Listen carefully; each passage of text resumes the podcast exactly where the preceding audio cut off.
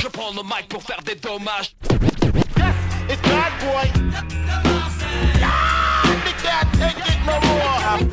It's bad boy. Ah, they can't take it no more. Välkomna tillbaka alla lyssnare till vårt eh, fjärde avsnitt av eh, OM-podden. Eh, idag har jag återigen med mig min eh, så kallade vapendragare Mattias, eh, eller Matte Håkansson.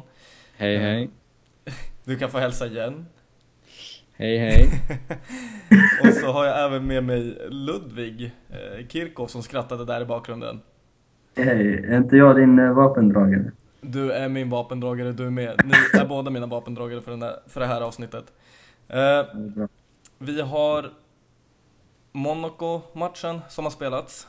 Eh, vi har lite nyförvärv att tala om och så har vi även eh, en match att se fram emot eh, mot Toulouse. Och eh, egentligen hu- huvudpunkten var, Champions League-lottningen måste Ja. vi prata om också. ja, vi Champions League också.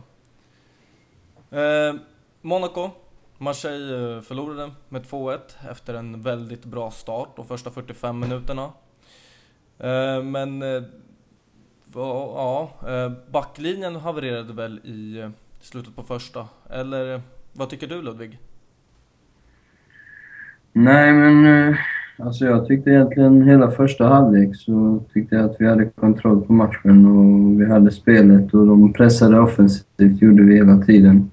Och ända fram tills vi gjorde 1-0 med Mendes där på huvudet så, så var jag faktiskt ganska nöjd. Det var väl där i andra halvlek som deras kvitteringsmål kom lite som en chock. Eh, just med tanke på hur svajigt det såg ut i försvaret. Så, så, ja, andra halvlek var ju stor skillnad mot första, helt klart. Och jag känner väl att... Eh, ja, det är väl det som alla känner just nu som håller på Marseille. Att, eh, offensiven har vi tagit in nyförvärv hit och dit och det ser mycket bra ut. Payet och Valbuena och alla som är... Till och med Jo som är på väg i- in i formen igen. Så att det är en cool och grabbarna där bak som måste skärpa sig helt enkelt. Men Mattias, du och jag har varit inne tidigare också på att backlinjen, den har varit lite svajig och nu fick vi ju se, det, var, det blev ju så här, ja paff, vi fick verkligen se att den är svajig. Den håller inte samma klass som förra säsongen, inte än i alla fall. Eh, alltså, ser du någon förbättring? Vi har ju inte värvat någonting nytt, men ser du någonting som skulle kunna förbättras? Vi har ju Lucas Mendes till exempel som eh, hoppade in där istället för Diabaraz. Ser du no- det som att det blev något bättre där eller? Alltså de har väl i princip, Lucas Mendes och Diawara är båda skickliga huvudspelare men eh, väldigt långsamma. Eh, de är lite samma spelartyp tycker jag. Eh, eh, Lucas Mendes känns... Han är lite mer på hugget nu än vad Diawara är. Jag vet inte, det känns som att Diawaras karriär har gått ganska fort ut för de senaste åren. Det känns som att han inte alls riktigt hänger med i matchtempot. Han gör idiottacklingar till och från och...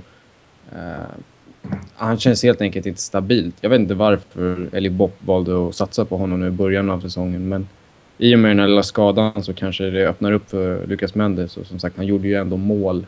Jag tycker ändå inte han kan belastas för baklängesmålen. Kanske för visst del på den här instabiliteten. För jag menar, det ju- ska ju klaffa mellan alla. Men det var en Kolo tycker jag som var den svaga länken i, i försvaret mot Monaco. Just en, en Kolo, han har ju gått ner sig väldigt mycket om man tänker efter hur han var i slutet på förra säsongen.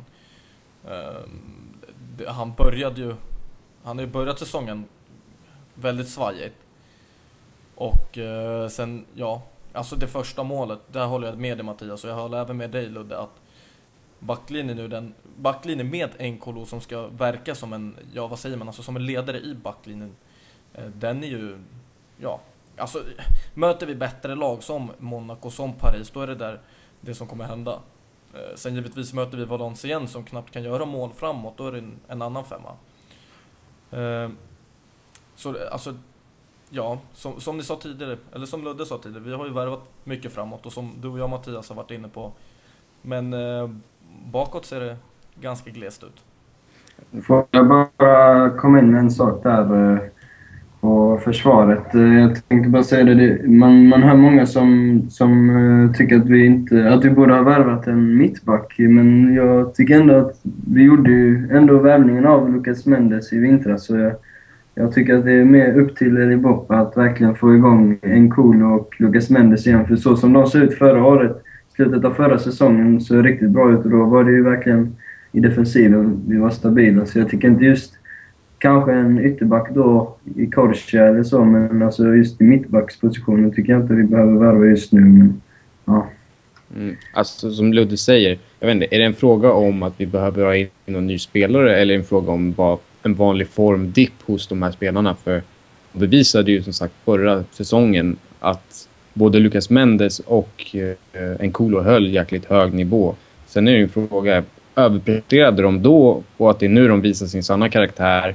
Eller är det mer att det är en rejäl formdipp nu i början och att de kommer spela upp sig under säsongen? Man får ju hoppas att det är det senare.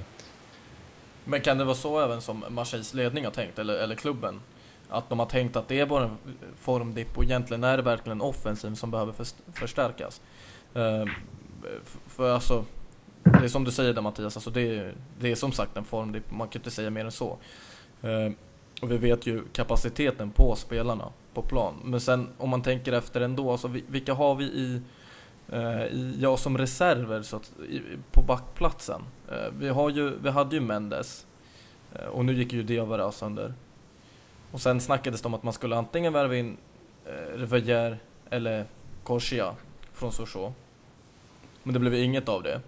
Så Ludde, vad tycker du? Alltså vad, vad har vi egentligen som en bra backup till, eh, till liksom startelvan om Lucas Mendes eller, eller Fanny eller, eller Diawara, eller Diawara är den redan trasig, helt skadad, men eh, NKLO skulle gå sönder. ja, exakt. Nej, men jag håller med dig att vi, vi har ju inte tillräckligt många reserver. Vi, mitt, som jag tänkte var ju att, jag menar, inför denna säsongen så har vi tagit upp Laurent Abergel, högerbacken från, eh, från ungdomsakademin och gett han ett proffskontrakt. Så varför då inte istället, alltså det kanske känns lite riskabelt men samtidigt flytta in Fanny som mittback då och så sätta ut eh, och så ge Abergel chansen från start, alltså direkt. Alltså, för det är oftast så som jag, alltså när man hör talanger som slår igenom så är det oftast alltså från ingenstans när de verkligen får chansen. Så jag tror, jag tror mer på det än att bara liksom köpa en ny ytterback eller mittback. För att eh, jag, jag, jag tycker det är dags att vi att Marseille verkligen ger chansen till sina unga nu.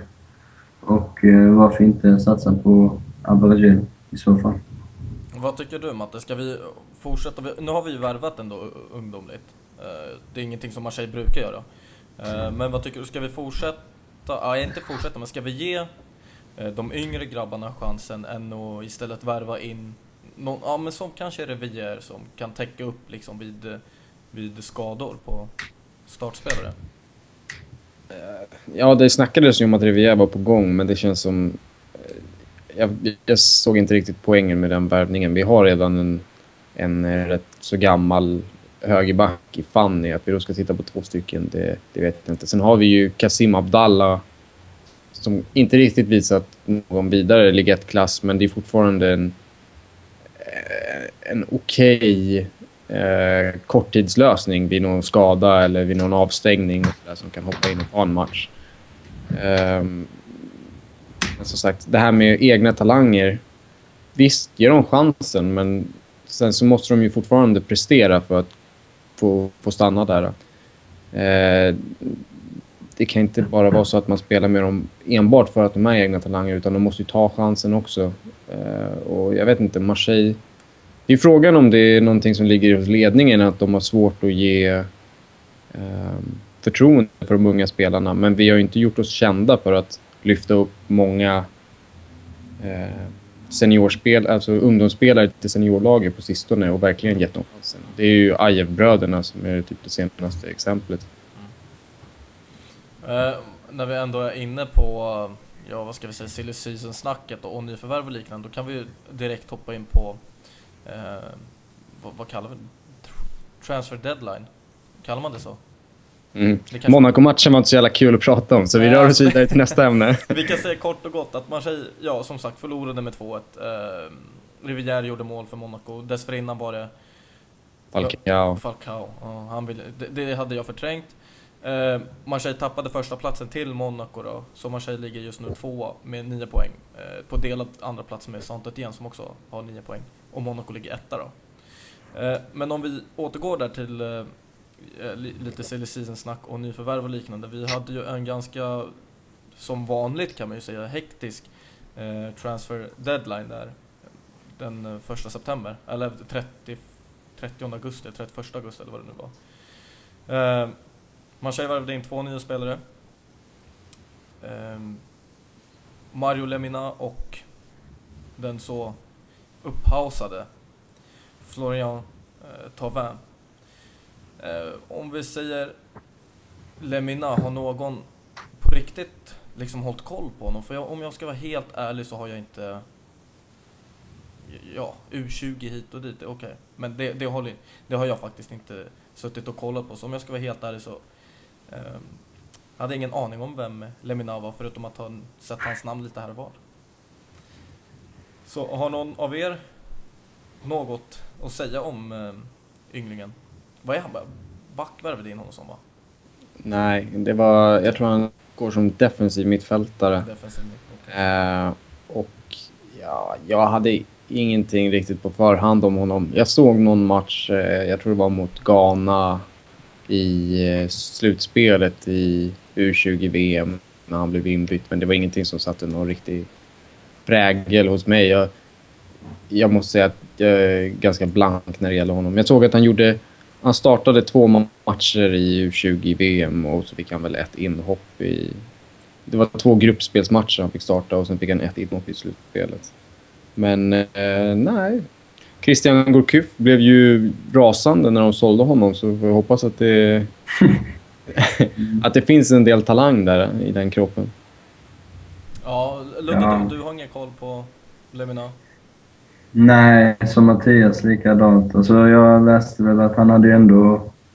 Han fick ju avsluta förra säsongen i, i Lorient efter att...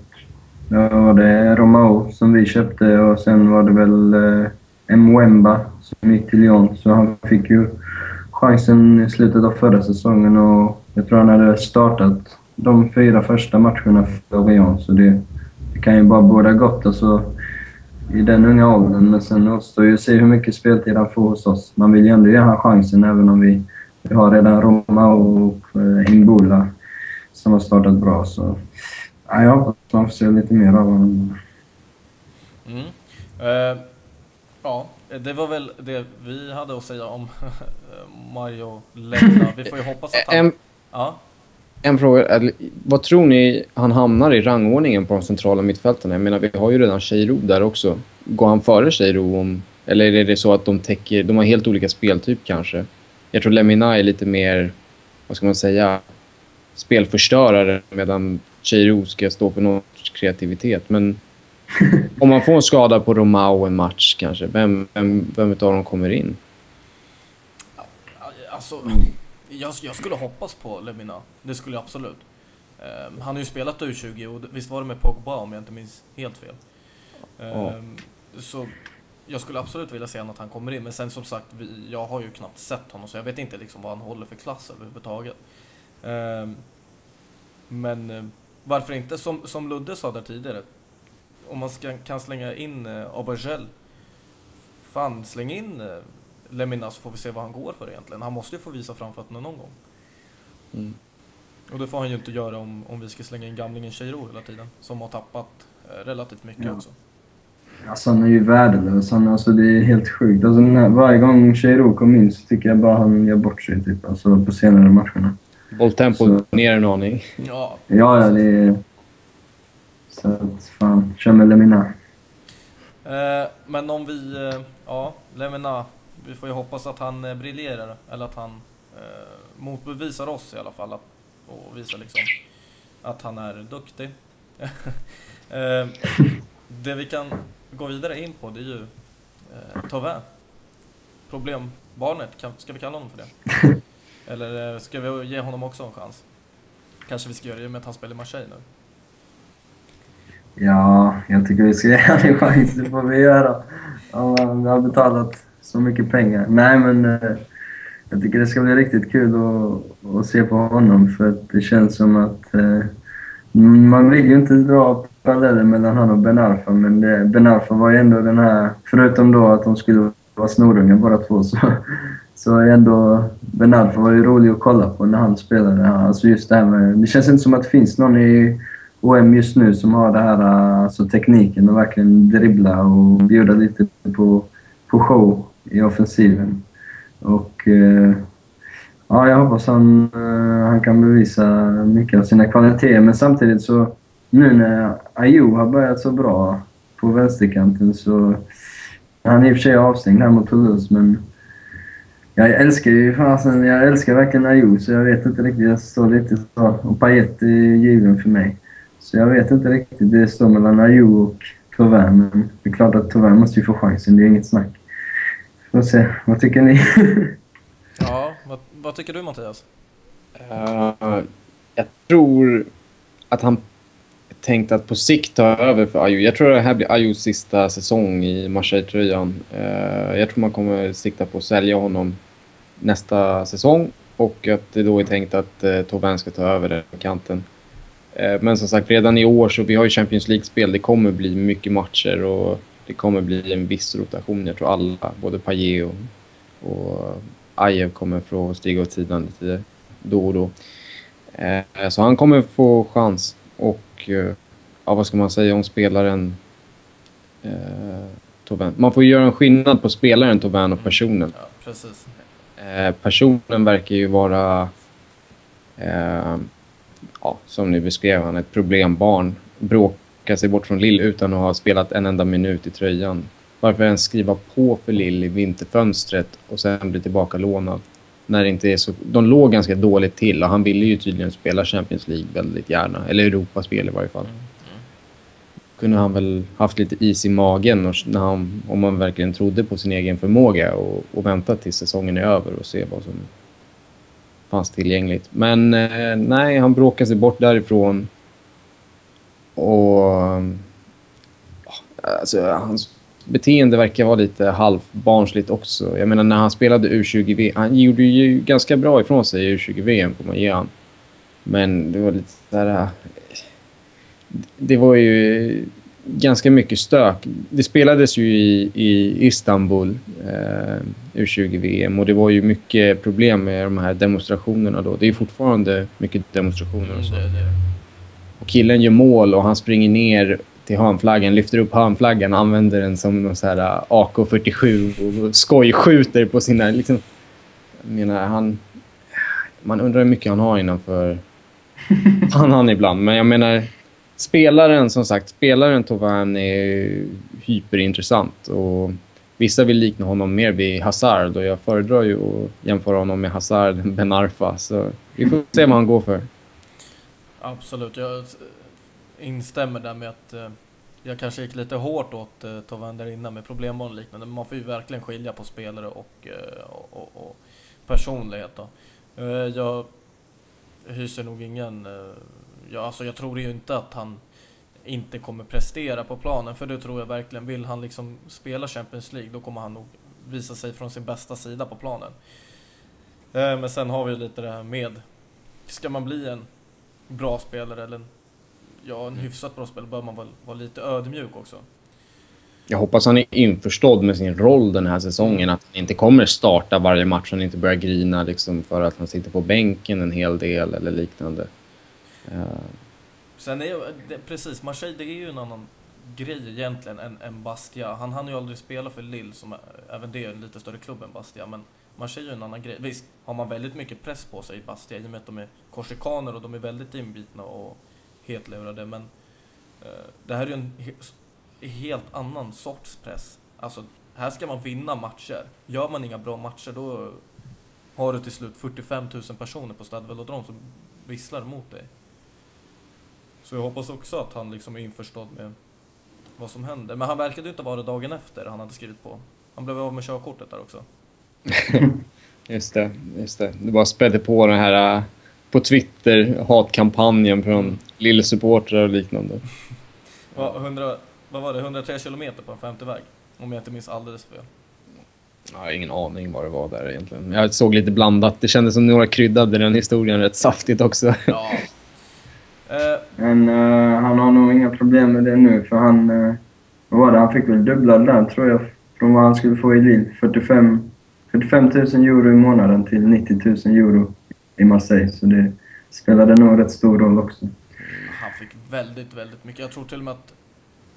Var det 90 000? nu? Jag tror till, till och med det var... Eh, vad kan det ha? Det, eller det ryktas det är så jäkla mycket där, men alltså det ryktades om 50 000 euro i veckan.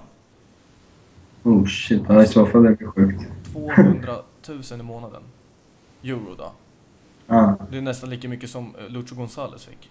Han fick ju 300 000. Ehm, men det, ju, det, det var ju under sista deadline day också så mm. man ska väl ta det med en nypa salt.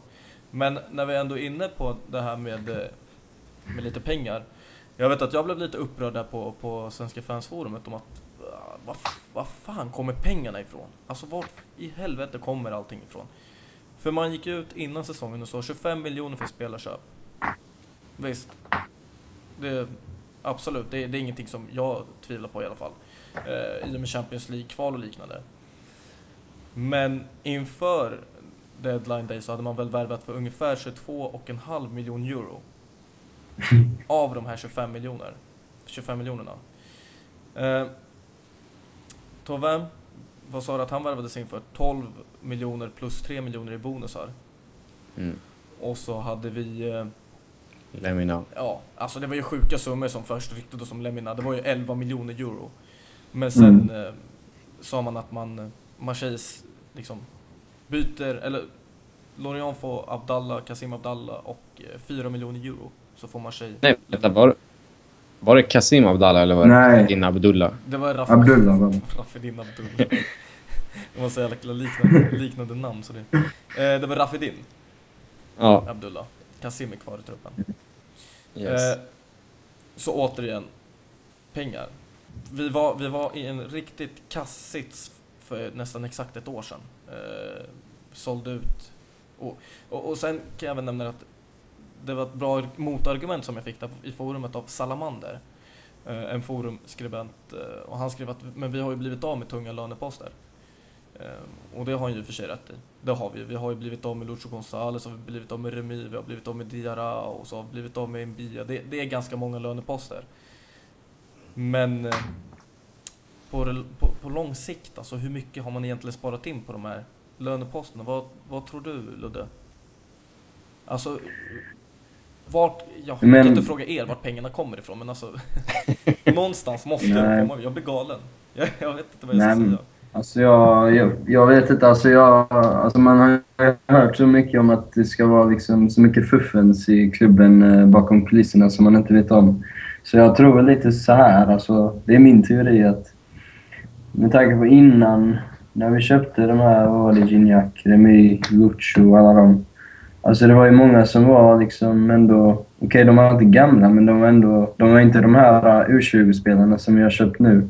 Och kanske är det ändå så att någon pressade alltså Margarita eller så, eller så bara blev det så att de kände väl att kanske vi, vi, vi vill inte spendera mer än 25 miljoner egentligen men när, alltså när den här nya, vad heter det, transfertaktiken med att unga, med att värva ungt och franskt så känns det ändå som att okay, det kanske är värt att lägga mer pengar än vad vi kanske egentligen har. Eller om de har dem, det vet jag inte. Men för att man får igen det senare vid försäljning eller eh, av kvalitet, alltså om några år. När de unga spelarna har, har verkligen slått igenom. Liksom. Det kan ju bli alltså att det verkligen går i, i plus alltså ordentligt. Och då kanske de här 41 miljonerna som det var nu inte spelar så stor roll. Liksom. Nej, Ja. det, det var en, det var en eh, väldigt bra hypotes. Eh, vad, vad tror du Mattias? Vad har du för eh, tankar?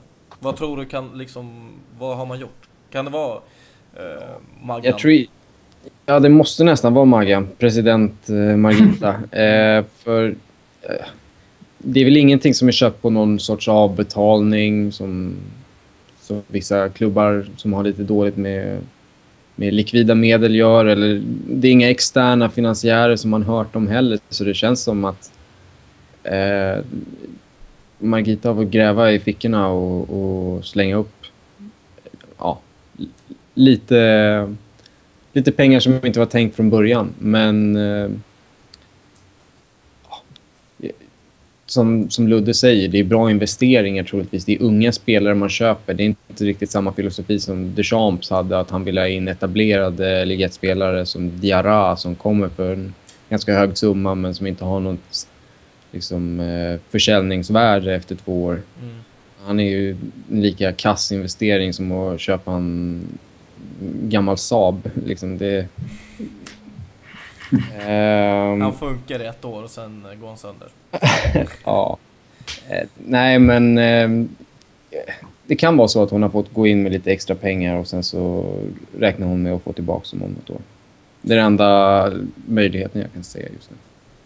Ja, alltså hur som helst så är det i alla fall eh, spelmässigt sett är det väldigt positivt. Eh, för laget och för klubben och för, för fansen och för eh, Ja, som Ludde säger, alltså långsiktigt, eller som ni bägge säger, långsiktigt så är det väl ehm, bra på vissa andra aspekter också, alltså, om man tänker så, för det är ju även eh, mer folk kanske lockas i och med att laget blir mer attraktivt. Eh, de kanske kan eh, konkurrera mot Paris och eh, Monaco.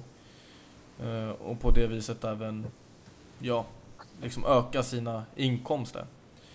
Ehm, men vi får ju hoppas i alla fall att Marseilles liksom klubb där, eller att, ja alltså klubbkontoret där slipper en ännu en razzia i alla fall. Mm. Eh, och att pengarna har kommit från, eh, ja, från... eh, Legitima källor. Ja. Maggan vet inte om hon, hon är inte så legitim kanske, men det...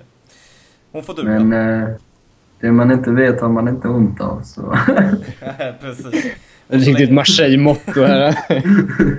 Vinner vi guld så klagar inte jag heller så.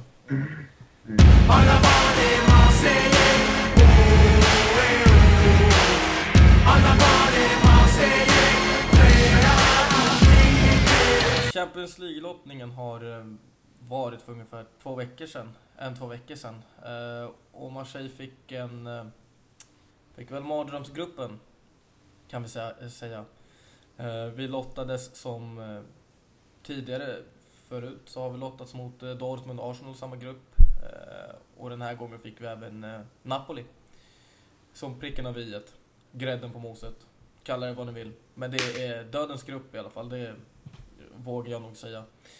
Eh, vad tror ni att eh, Marseille har för chanser att slå sig vidare? Marseille ses ju väldigt mycket som en, som en underdog just nu i den här gruppen. Eh, och med all rätt egentligen. Alltså, om man kollar på de andra trupperna så de slår ju inte Marseille med hästlängd. Det kanske Dortmund då, men en bra dag ska nog Marseille kunna, ja, vad säger vi, utmana eh, i alla fall Arsenal och Napoli på hemmaplan. Eh, vad tycker du Mattias? Vad, hur ser det ut? Alltså, hur ser chansen ut för, för en åttondelsfinal? Ehm, alltså, det, som du säger, det är ju mardrömslottning för det är bara bra lag. Samtidigt så, om man ska försöka se på det på något positivt sätt så alla lag, det känns lite som alla kan slå alla i den här gruppen så det kan bli otroligt jämnt och små marginaler. Så om man bara plockar sina poäng på hemmaplan och liksom, jag vet inte, lyckas med kanske någon skräll eller så, så kan det räcka kanske till en andra plats. För jag tror inte att det kommer vara något lag som verkligen rycker eh, liksom, och går med full pott genom gruppen. Utan jag tror som sagt att det kommer bli, man kämpar med näbbar och klor. Eh, och som sagt, det är lite repris på 2011 med Dortmund och Arsenal i samma grupp. Och då slog vi ju Dortmund två gånger om. Lite svårt att se att det kommer hända igen. Jag läste någonstans att vi var, vi var det senaste laget som slog Dortmund på bortaplan. Eh, eller på deras hemmaplan. Eh, men som sagt, det är nog lite att att ha höga, stora, stora förhoppningar eh, den här gången. Men jag tror ändå att... Ah. Ja, alltså Arsenal och Napoli i början av att bygga upp ett nytt lag nu efter man har tappat Lavezzi och, och eh, Cavani. Och man gör om sin offensiv lite. Man har ju tagit in bra spelare men har man fått spelet att klaffa riktigt ännu? Det är väl, de har inte kommit riktigt lika långt i sin liga ännu. Nu möter vi ju dem i och för sig sist i gruppen här, så det är ju redan inne i eh, oktober, november som vi möter dem, så då borde de ju spela ihop sig, men där borde vi kunna ta poäng. Och sen så Arsenal. Arsenal är Arsenal. Eh, Å andra sidan, Arsenal tampas ju med väldigt mycket skador just nu. De har ju Podolski som ska vara borta i två, tre månader. Eh, å andra sidan så har de, eh, ja, ska vi säga med eh, lite så här so- sorgsen-röst att eh, de värvade Özil också.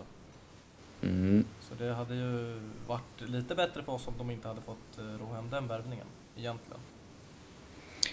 Ja. Ehm, jag tror ändå vi kan ta poäng från dem. Om man kollar på när vi möttes för två år sedan. Nu har ju mycket hänt i truppen och sånt sedan dess. Men då spelade vi... Vi torskade med 0-1 på hemmaplan. De gjorde mål i 90 minuten. Var det inte Ramsey eller någon? Eller Wilshire eller någon. Av alla, Ramsey. Ja, Ramsey. Och eh, sen på Highbury, eh, eller det heter inte Highbury, det heter Emirates, eh, så blev det väl 0-0. Så eh, vi drog ganska jämnt med dem då. Och jag hoppas man kan göra den här gången också. Om vi städar till vårt försvar och att det inte ser ut som det gjorde mot Monaco så borde vi ju kunna dra hyfsat jämnt i varje fall. Vad, vad tror du Ludde? Vad, hur ser det ut? Eh, Napoli, Arsenal, Dortmund. Eh, vart hamnar vi? Uh, gud alltså, jag, jag, har inte, jag har inte vågat tippa hittills, för jag vill inte tippa. Jag vill... Eh, alltså, grejen är, jag tror att vi har chans mot alla lagen. Som ni säger, Dortmund såklart svårast, kanske minst chans att ta poäng, men eh, samtidigt så... Alltså får vi ihop försvaret så, så tror jag ändå på det för att om inte jag minns helt fel så förra de förra två mötena mot dem, när vi vann båda mötena, så var det ändå Dortmund som hade det mesta av spelet. Och jag menar, i första matchen hade de hur mycket chanser som helst kändes det som, men ändå vann vi med 3-0, vilket jag tyckte var ganska förvånande. Årtiondets rån alltså. ja, lite, lite så. Och sen på bortaplan var man ju helt knäckt. Det stod 2-0 och de bara tryckte på och var det Aspilicueta som räddade på mållinjen eller någonting och sen så, och sen så bara vände vi. Så jag menar, Mm, alltså allting kan verkligen hända. Det är det som är så skönt med Champions League. Så jag vet inte riktigt. Arsenal känns, har alltid känts lite... Alltså klart Özil, visst, men jag tror ändå vi har rätt bra chans på det nu. Det, ja, alltså det, det verkar som ni tycker att eh, vi har bäst chans på Arsenal. Är det lite så jag tänker? För, för Napoli verkar ju ändå ha kommit igång med Higuain in i laget och liknande. Och de, men å andra sidan har ju Napoli också fått en ny tränare i Rafa Benitez. Eh, Walter Mazzarri, hette han så nu förra? Mm, jag tror det. Han hette, ja, den förra Napoli-tränaren. Han verkade liksom vara Napoli. Medan Benitez kanske verkar vara en lite lugnare tränaren. Vilket eh, jag i alla fall inte förknippar med Napoli. Det är ju väldigt eh, passionerat eh, i, i hela staden. Eh, men de verkar ju i alla fall ha börjat bra i italienska ligan. Nu tror jag inte någon av oss håller koll på det men... Jag tror faktiskt de leder efter två matcher. Men ehm, ja, som Ja. sagt, det är lite tidigt att uttala sig kanske. Ja, jo precis. Men vi, ja. Men vad säger ni? Är, är det Arsenal som verkar liksom vara de, inte enklaste, men alltså de kanske som vi kan slå? Bör slå? Eh, jag tror nog... Jag tror faktiskt att eh, det blir ändå Napoli som jag har bäst chans mot. Eh, för Arsenal har ändå den här... Det är många spelare där som har ganska bra rutin av, av Champions League och de är ett lag som håller i bollen mycket. Så Samtidigt så har de ju ibland... Eh, jag har nämligen en kompis som håller på Arsenal, så jag kollar på dem lite. De har ju mycket spel och håll i bollen. De, det är ofta de har svårt att verkligen komma till... Alltså ända fram till målet. Så att, men just att de har den här rutinen och att det är många spelare, så de, har ju, de spelar i Champions League varje år. Så på det sättet så tror jag att vi Ja, ligger lite efter där, men... Om, Ja. det, om det är någonstans vi ligger efter, nu har vi pratat mycket spelare, men kollar man på tränarsidan. Vi hade ju Klopp som var i final förra året. Vi har Wenger som har hållit på sedan jag föddes nästan. Och sen så eh, har vi Benitez som ska vara någon så här kuppspecialist. Och så har vi Eli Bopp. Det känns liksom Ja, som att där är vi på en helt annan nivå.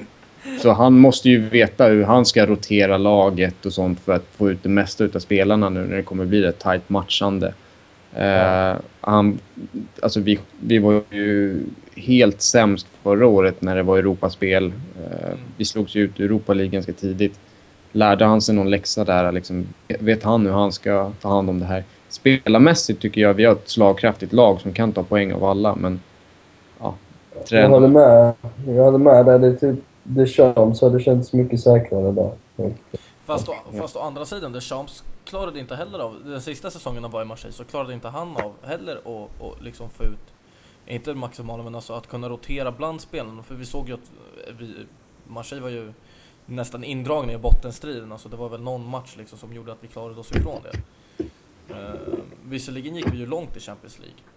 Vi eh, mötte Bayern München i eh, kvartsfinal var det va? Mm. Vi sa, Yes. Ja, kvartsfinal. Det blev 2-0 förlust eh, hemma och 2-0 borta. Men eh, som sagt, Deschamps klarade ju inte... Alltså ja visst om man går långt i Champions League men man ska ju inte hålla på och, och liksom bortprioritera ligan. Ju å andra sidan nu en bra placering i ligan liksom. Det är ju, garanterar ju en Champions League-plats nästa år vilket genererar mer pengar för Marseille. För jag tror inte att de kommer nå till final inom loppet av, ja, säg en 10 år, 5-10 år. Alltså så, såvida inte Margarita börjar spendera ännu mer pengar då, eller att man får behålla sina talanger.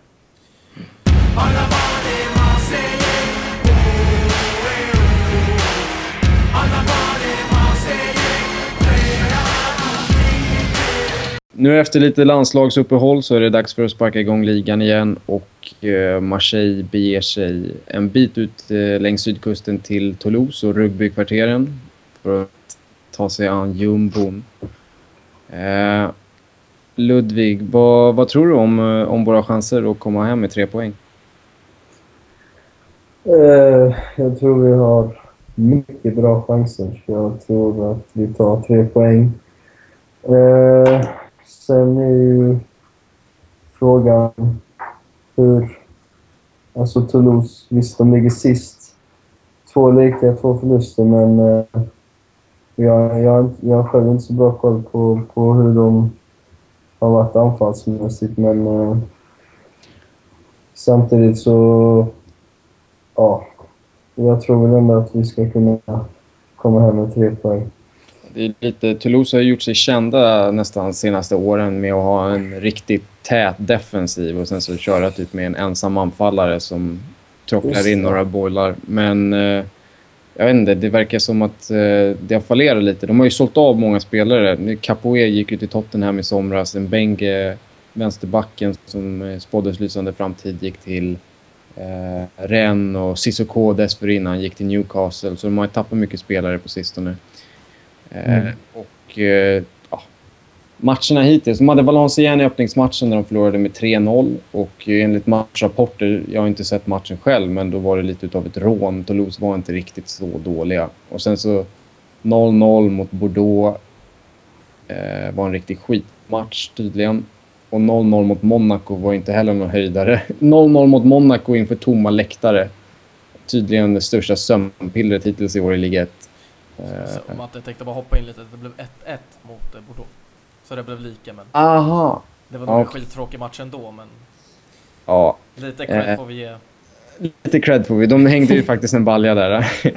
eh, och eh, sen nu senast så åkte man på spö mot Bastia. Och eh, då spelade man med en man mer i större delen av matchen. Men man lyckades ändå inte besegra korsikanerna. Eh, Christian, vad, vad är din känsla på förhand?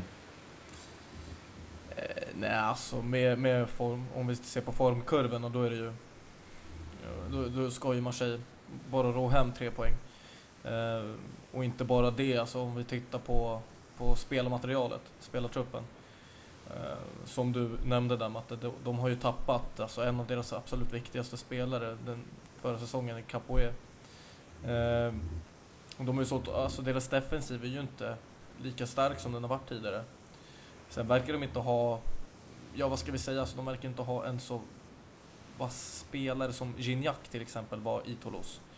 Eh, längst där på topp, så det, jag vet inte, det känns inte som det finns någon som kan hota i alla fall så här väldigt mycket i alla, som, som de kunde göra tidigare. Eh, så tre poäng, absolut, men det hänger lite på vårt försvar också. Alltså om, om vi börjar offensivt 45 minuter, eh, de första 45 minuterna som vi gjorde mot Monaco. Då är det absolut, då ska det stå 3-0 i halvtid till Marseille. Men eh, spelar vi lika dåligt i defensiven så och, och Toulouse liksom eh, täpper igen sina luckor då kan det nog gramla in en balja där i 92. Eh, en sån här riktig jäkla jobbig boll. Eh, men ja, eh, tre poäng är väl det, alltså det, jag känner att det inte ska kunna hända något annat. Vad anser du själv Matte? Vad, alltså, vad tror du? Eh, jo, vi borde nog kunna ta det här känns det som. Eh, nog för att de kanske inte riktigt eh, har gjort sig förtjänta av den här sista platsen i tabellen men eh, det ska ändå vara en klasskillnad mellan Marseille och Toulouse. Jag vet inte historiskt sett hur det brukar se ut men jag har för mig att vi inte har allt för svårt för Toulouse även om det har blivit ett par poängtapp över åren. Som sagt, de gillar ju att, stänga till matchen. De spelar med fembackslinje har jag för mig vid några tillfällen. De har ju ganska offensiva yttrar i dagsläget. Eh, så bygger väl mycket på sitt kantspel där. Men jag tror att vi ska kunna, vi ska kunna ta itu med det här. Eh, hur ser läget ut i Marseille annars då? Vi spelade väl någon träningsmatch här uh, under landslagsuppehållet? Va? Yes, yes. I stress uh, spelade vi en träningsmatch mot. Slutade 1-1. Uh, eh, vi släppte in mål efter fyra minuter. Uh, men vi fick se, ja eller vi fick inte se för jag tror inte någon av oss såg den matchen men Khalifa gjorde 1-1. Uh, nyförvärvet från Evian. Tonon Gaillard. Uh, han satte en boll där precis innan halvtid. Men det var en, väl, en väldigt eh, B-betonad startelva. Vi hade till exempel, där Ludde, någonting som kanske gläder dig, så var Abergel Ja, på plan. Eh, det låter bra. Ja, han- han var på plan ja. Och så hade vi Tauvin på plan. Kanske inte så jätte B-betonad startelva, men ja. Eh, Men det var... Ursäkta men det, att jag avbryter, men det var väl... Eh, jag har för mig det var Tauvin som spelade fram till Khalifa. Det kanske inte betyder så mycket i träningsmatch, men... Ja, han fick en assist där i alla fall. det, ja, vi får ju hoppas det. Kanske han redan har motbevisat oss. Ja, exakt. Eh, men vi hade alltså, vi, ja, som sagt, Lucas Mendes startade men sen hade vi också Aloe, Kasim Abdallah och så hade vi Samba i mål. Brice Samba. Eh, och på topp var det Jordan Ayew. Alltså det var ju träningsmatch för att eh, låta, vad ska man säga, bänken spela kanske. Ja, vi hade ju flera utav A-lagsspelarna som var på landslagsuppehåll, eller landslagsuppdrag också, där eh, Valbuena gjorde jäkligt bra ifrån sig mot... Eh, var det, det var Vitryssland nu som de slog. Första matchen var ju Mm. bottennapp 0-0 där mot... Eh, eh, vad var det de mötte? Georgien. Georgien, ja. Men eh, Valbuena stod för tre assist om jag inte eh, minns fel igår mot, eh, mot, Vitryssland. Så eh, det känns som han har hittat formen. Payet var tydligen lite, lite sämre igår och sen så Jack vet jag inte om han fick någon speltid igår. Han spelade några minuter mot, mot Georgien. Och sen som sagt Mandanda sitter ju på bänken där, dessvärre. ja, dessvärre. Väl Loris som fortfarande har hans plats där. Är det det? Mm. Mm. Tydligen tabbade han sig ganska rejält igår. Jag såg inte matchen, men eh, Jag eh, såg faktiskt det. Det var riktigt dåligt ingripande. Det var en... Eh, nej, men det var en hörna. Vitryssland hade en hörna och så... Det var en ganska tam nick som studsade precis alltså framför Loris på marken. Som eh, Mandanda hade ju såklart tagit den, men... Eh, ja, ja, det vi gick eh, inte så bra. Han stötte in den i målet helt enkelt. får hoppas att Mandanda bättrar på sina chanser till en startplats där. Ja. Eh, ja, Avslutningsvis, kan vi få något tips nu då inför, inför helgens omgång? Vad, vad tror du, Christian? Ehm, ja, ska vi vara positiva? Alltså, jäkligt positiva. Vi säger 4-1 till Marseille. Offensivt sett så är vi positiva. Med 4-1. Eh, jag tror eh, 0-2. Alltså 2-0 till oss. Vad tror du då Matte? Jag skulle precis hugga på samma som eh, Ludde, men eh, jag får väl... Eh, jag får väl vara lite wild and crazy och säga 3-1 då. Jag lägger mig emellan. Mellanmjölk. Ja. Ja. Diplomat. Ja. Diplomatiskt. Ja. Eh, Hur, eh, hur tror ni att, ni att vi kommer starta? Då? Oh.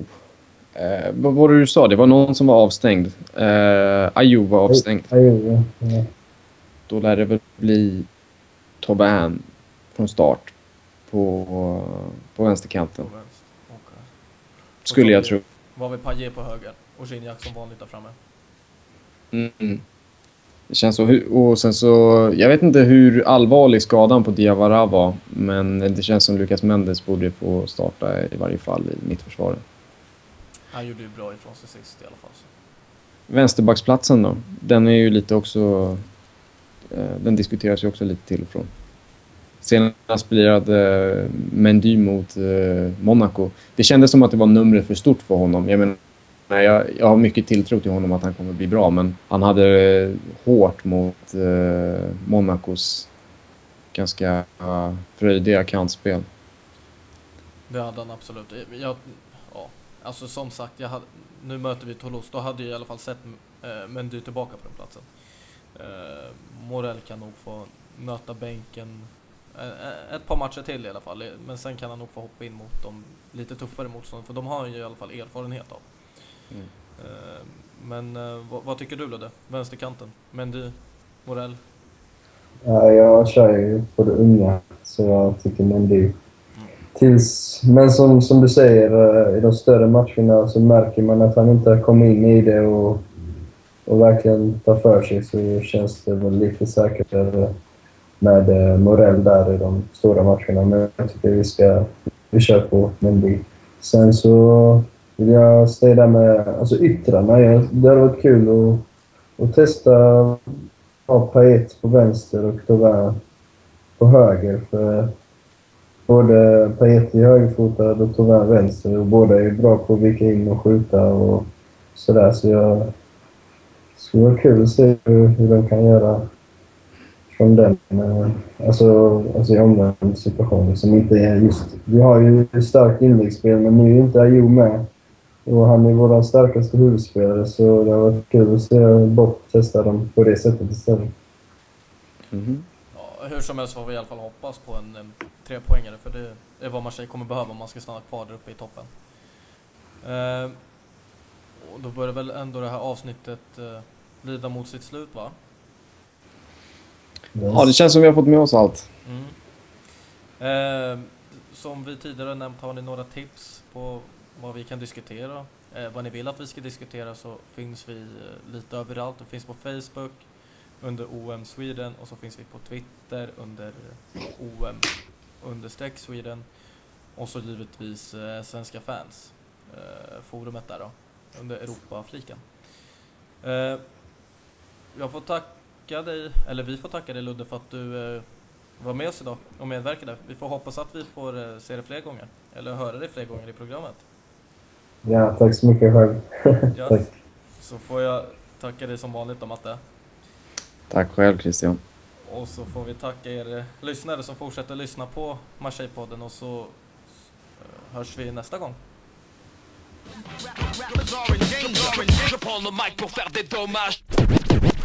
It's bad boy. Ah, nigga, take